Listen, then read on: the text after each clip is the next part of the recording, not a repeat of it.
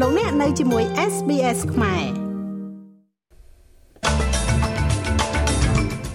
អូស្ត្រាលីដាក់ពង្រាយកងកម្លាំងការពារជាតិនិងបន្ថែមយន្តហោះ RAAF ទៅកាន់មជ្ឈមបូព៌ាគេរំពឹងថារដ្ឋាភិបាលនឹងដាក់ចេញនូវច្បាប់ថ្មីដែលគ្រប់គ្រងការត្រួតពិនិត្យការនាំចេញវិស័យការពារជាតិទៅកាន់សភាតម្លៃទំនិញប្រើប្រាស់បានកើនឡើង1.2%ក្នុងរយៈពេល3ខែដល់ខែកញ្ញា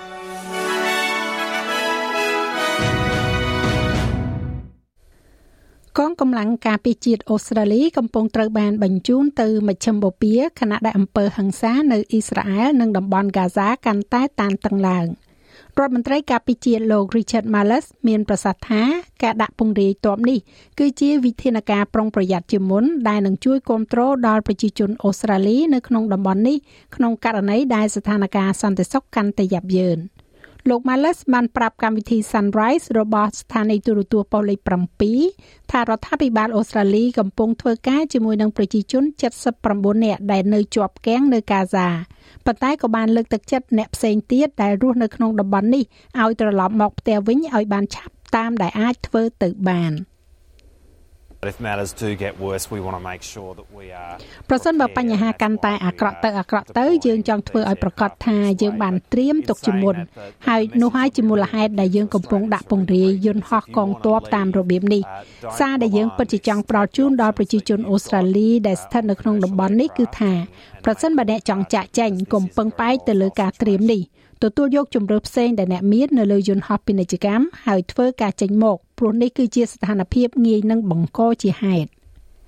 នឹងមានយន្តហោះ AAF 3គ្រឿងនៅក្នុងតំបន់នេះទោះបីជារដ្ឋាភិបាលមិនបានកំណត់កន្លែងដែលពួកគេនឹងដាក់ពង្រាយឬក៏ចំនួនទាហានពិតប្រាកដដែលនឹងអមដំណើរពួកគេក៏ដោយ។ ឯកអគ្គរដ្ឋទូតរបស់អ៊ីស្រាអែលប្រចាំអង្គការសហប្រជាជាតិបានលុបចោលនៅកិច្ចប្រជុំជាមួយនឹងប្រមុខអង្គការសហប្រជាជាតិលោកគឺលោក Antonio Guterres តែបានជំរុញឲ្យលោកលាលែងចេញពីតំណែងជំវិញការអត្ថាធិប្បាយដែលលោកបានធ្វើអំពីចំនួននៅក្នុងតំបន់នេះ។ នៅក្នុងសន្ទរកថាទៅកាន់ក្រមប្រឹក្សាសន្តិសុខលោក Guterres បានអះអាងថាសកម្មភាពរបស់ពួកសកម្មប្រយុទ្ធហាម៉ាស់មិនអាចបង្ហាញអំពីភាពត្រឹមត្រូវនៃការដាក់ទណ្ឌកម្មរួមរបស់ប៉ាឡេស្ទីនហើយថែមទាំងបានអះអាងថាប៉ាឡេស្ទីនត្រូវបានទទួលរងនៅអ្វីដែលលោកបានពិពណ៌នា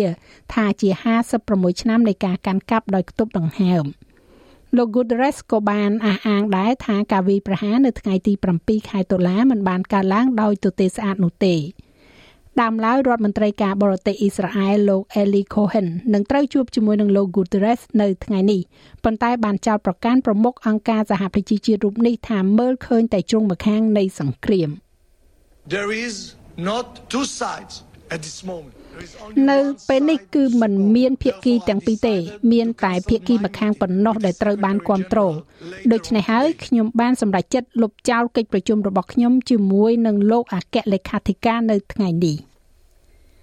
ជាមួយគ្នានេះអង្គការសុខភាពពិភពលោកនិយាយថាខ្លួនមិនអាចចាយចាយប្រេងឥន្ធនៈនិងជំនួយសង្គ្រោះអាយុជីវិតដល់មន្ទីរពេទ្យធំធំ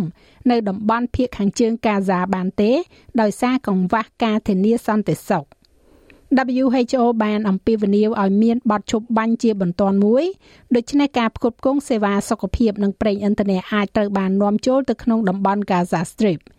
អង្គការសុខភាពពិភពលោកបាននិយាយថាជាងពាក់កណ្ដាលនៃមណ្ឌលថែទាំសុខភាពបឋមនិងប្រហែលជាមួយក្នុងចំណោមមន្ទីរពេទ្យ3បានឈប់ដំណើរការលោកស្រី Nebol Fasak អ្នកនាំពាក្យសង្គមអត្តច័ន្ទក្រហមប៉ាឡេស្ទីន មានប្រសាសន៍ថាមន្ទីរពេទ្យជាច្រើនមិនអាចដំណើរការបានស្រួលបួលនោះទេ Unfortunately since the beginning of the escalation and ជាអកុសលចាប់តាំងពីការចាប់ផ្ដើមនៃការកើនឡើងនិងការបិទទាំងស្រុងនៅតំបន់ Gaza Strip គ្មានប្រេងឥន្ធនៈចូលមកទេហើយការផ្គត់ផ្គង់ទាំងអស់ដែលមាននៅក្នុងមន្ទីរពេទ្យបានអស់ហើយដូច្នេះយើងរំពឹងថារយៈពេលយូរបំផុត2ថ្ងៃទៀតមន្ទីរពេទ្យទាំងអស់នឹងអស់ប្រេងឥន្ធនៈទាំងស្រុងហើយបន្ទាប់មកគេនឹងមិនអាចដំណើរការនិងបន្តផ្ដល់សេវាកម្មសង្គ្រោះជីវិតបានឡើយ។ ប្រជាជន2លាន3សែននាក់នៅកាហ្សាបាននឹងកំពុងខ្វះអាហារទឹកនិងថ្នាំពេទ្យចាប់តាំងពីអ៊ីស្រាអែលបានបិទដែនដីនេះបន្ទាប់ពីការវាយប្រហារដល់សាហាវឃោឃៅកាលពីថ្ងៃទី7ខែតុលាដោយក្រុមហាម៉ាស់លើទីក្រុងនានានៅភាគខាងត្បូងអ៊ីស្រាអែល ក្រសួងសុខាភិបាលដែលគ្រប់គ្រងដោយក្រុមហាម៉ាស់បាននិយាយថាជនជាតិប៉ាឡេស្ទីនជាង5700នាក់ត្រូវបានសម្លាប់នៅក្នុងសង្គ្រាមខណៈដែលមនុស្ស1400នាក់ក្នុងប្រទេសអ៊ីស្រាអែលដែលភ័យច្រើនជាជនស៊ីវិលក៏បានស្លាប់គេរំពឹងថាលោកនាយករដ្ឋមន្ត្រី Anthony Albanese នឹងដាក់ចេញនូវច្បាប់ថ្មីដែលគ្រប់គ្រងការត្រួតពិនិត្យការនាំចេញវិស័យការពារជាតិរបស់ប្រទេសអូស្ត្រាលីទៅកាន់សភានៅក្នុងរយៈពេលប្រមាណសប្តាហ៍ទៀត គេសង្ឃឹមទៀតថាច្បាប់នេះនឹងជួយចាប់ផ្ដើមផ្អាកការពិចារណារបស់សភាអាមេរិកអំពីច្បាប់ដែលតាក់ទងទៅនឹង AUKUS របស់ខ្លួន។លោក Albanese និងប្រធានាធិបតីអាមេរិកលោក Joe Biden នឹងជួបពិភាក្សាគ្នា អំពីរបៀបរក្សាកិច្ចព្រមព្រៀងនាវាមុជទឹកដើរដោយធម្មពលនុយក្លេអ៊ែរឆ្ពោះទៅមុខនៅពេលដែលពួកគេជួបគ្នានៅថ្ងៃប្រហ័សទី26ខែតុលាស្អែកនេះ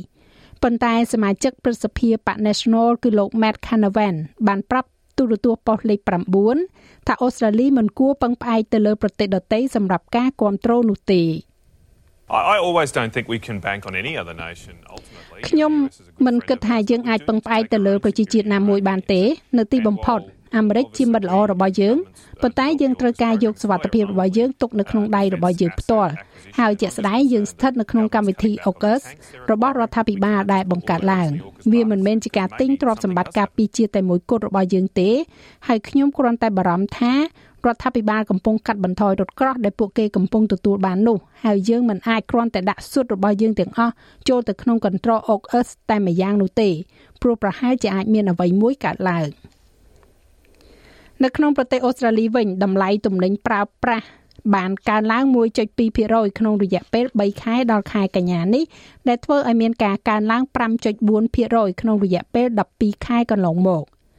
សន្ទុះថ្លៃទំនិញប្រើប្រាស់ចុងក្រោយបំផុតពីការិយាល័យស្ថិតិរបស់អូស្ត្រាលីទទួលបានមកលើសពីការរំពឹងទុកបន្តិចបន្តួចហើយអាចធ្វើឲ្យមានភាពស្មុគស្មាញដល់ធនាគារកណ្ដាលខណៈដែលធនាគារនេះព្យាយាមធ្វើឲ្យអតិផរណាធ្លាក់ចុះ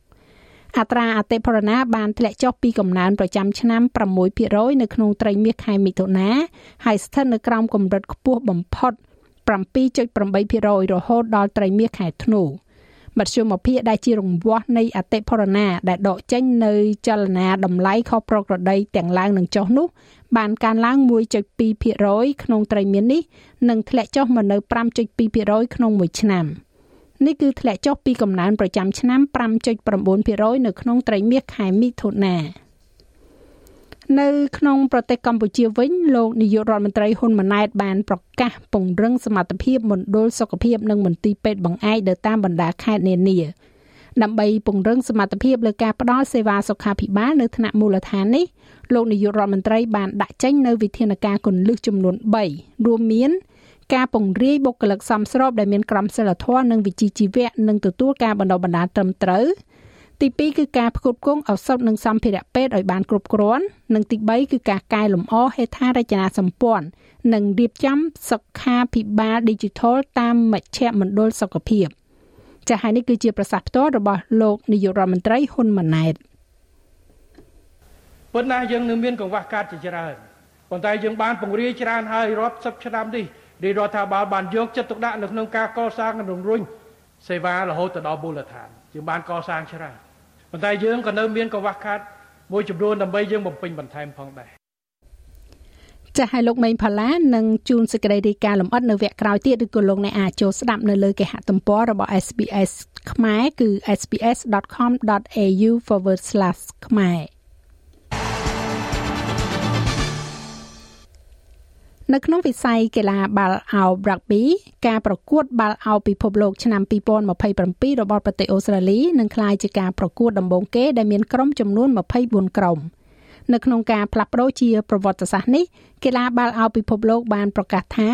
ខ្លួនបានធ្វើការផ្លាស់ប្ដូរជាច្រើនចំពោះប្រតិទិនកីឡានេះនៅក្នុងកិច្ចខិតខំប្រឹងប្រែងដើម្បីយកហ្គេមនេះទៅកាន់យុគសម័យថ្មីមួយ។ ចំណែកឯអត្រាប្តូរប្រាក់វិញ1ដុល្លារអូស្ត្រាលីមានតម្លៃប្រមាណជា764សេនដុល្លារអាមេរិកត្រូវនឹង2650រៀលប្រាក់រៀលខ្មែរ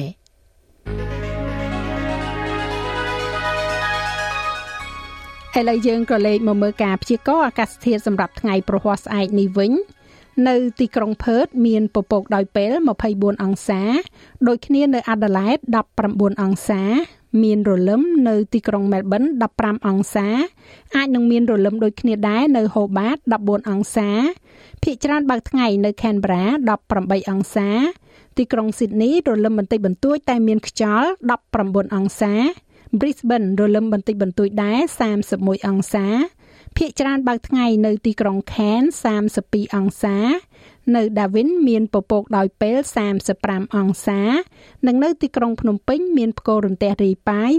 33អង្សា